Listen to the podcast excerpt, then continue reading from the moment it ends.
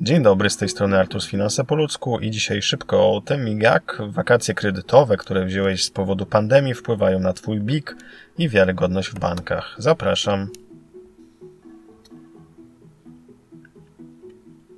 Tak jak wspomniałem, dzisiaj szybko o słynnych wakacjach kredytowych z powodu pandemii.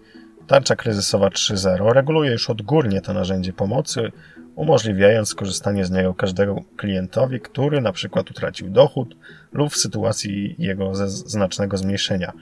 Oczywiście bez zbędnych pytań, bez dodatkowych kosztów.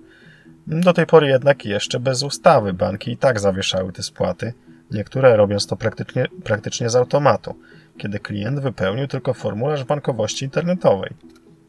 Nie będę się rozwodził na tym, czy to dobre rozwiązanie, czy złe, bo jak zawsze wszystko zależy.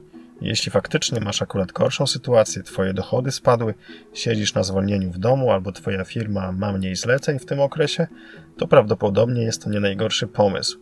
Bo lepiej tak, niż przestać spłacać w ogóle i popsuć sobie BIK. Chociaż często powoduje to oczywiście zwiększenie całkowitego kosztu kredytu. Mm, no ale czasem nie ma po prostu innego wyjścia. Jest jednak pewien problem, który wiąże się z wakacjami kredytowymi, a o tym drażliwym fakcie raczej się nie mówi.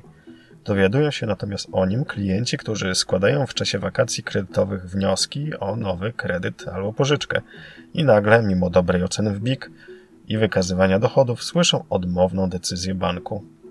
Najlepszy jest wtedy powód odmowy, uwaga, zawieszenie rat z powodu COVID-19.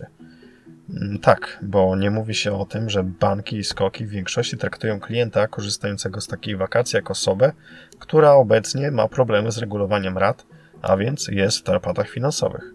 Wynika to z ustawy, która reguluje tą pomoc jako coś przeznaczonego dla osób poszkodowanych skutkami pandemii.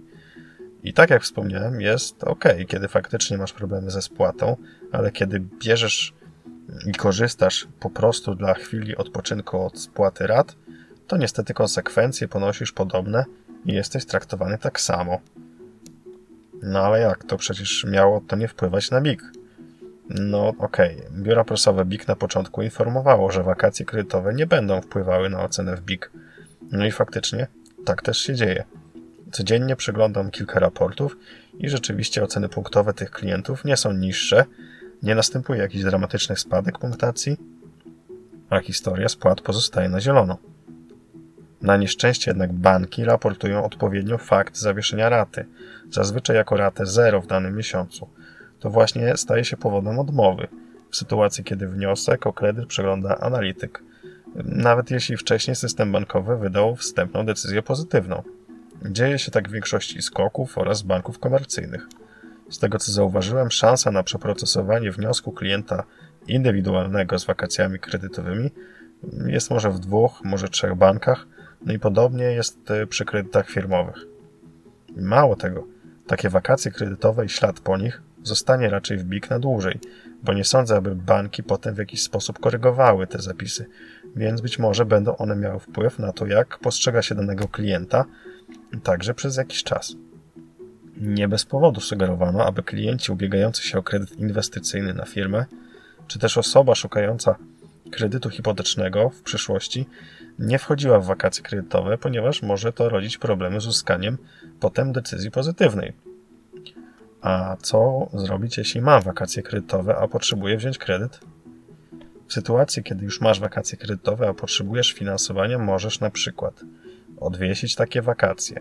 Kilka banków, z tego co wiem, bez problemów to robi, choćby Santander. Mm, ale na przykład mBank czy PKO, gdzie wakacje rozpatrywano automatycznie, może robić już problemy. Najlepiej w formie reklamacji przekazać informację, że jesteś już w dobrej kondycji finansowej, nie odczuwasz skutków pandemii i chcesz wrócić do normalnego harmonogramu spłat rat. Jednocześnie prosisz o korektę danych w plik. Być może się to uda. Wtedy jest szansa, oczywiście po korekcie, na założenie wniosku o kredyt. Możesz wziąć pożyczkę pomostową w firmie pożyczkowej, której nie widać w BIK.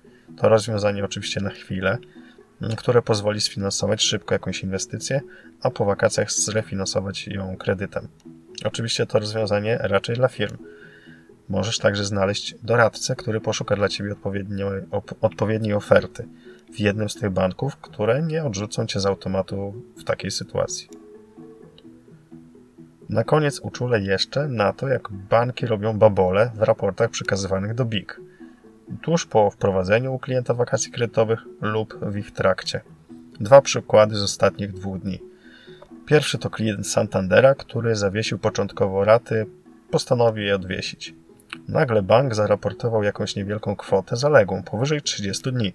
Taki wpis już będzie powodował odmowy w bankach przez dłuższy czas i z pewnością będzie miał wpływ na scoring. Bank szybko przyjął reklamację i na szczęście skorygował.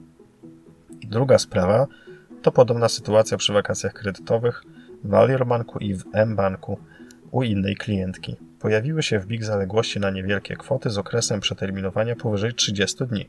Oczywiście klientka płaciła wcześniej wszystko w terminie, a problem pojawił się po skorzystaniu z wakacji kredytowych.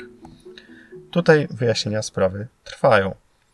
Uczulam więc Was na to, by sprawdzić po skorzystaniu z wakacji kredytowych swój raport BIG, aby przypadkiem potem nie okazało się, że jakaś rzekoma zaległość ciągnie się za Wami przez 3 miesiące. Hmm.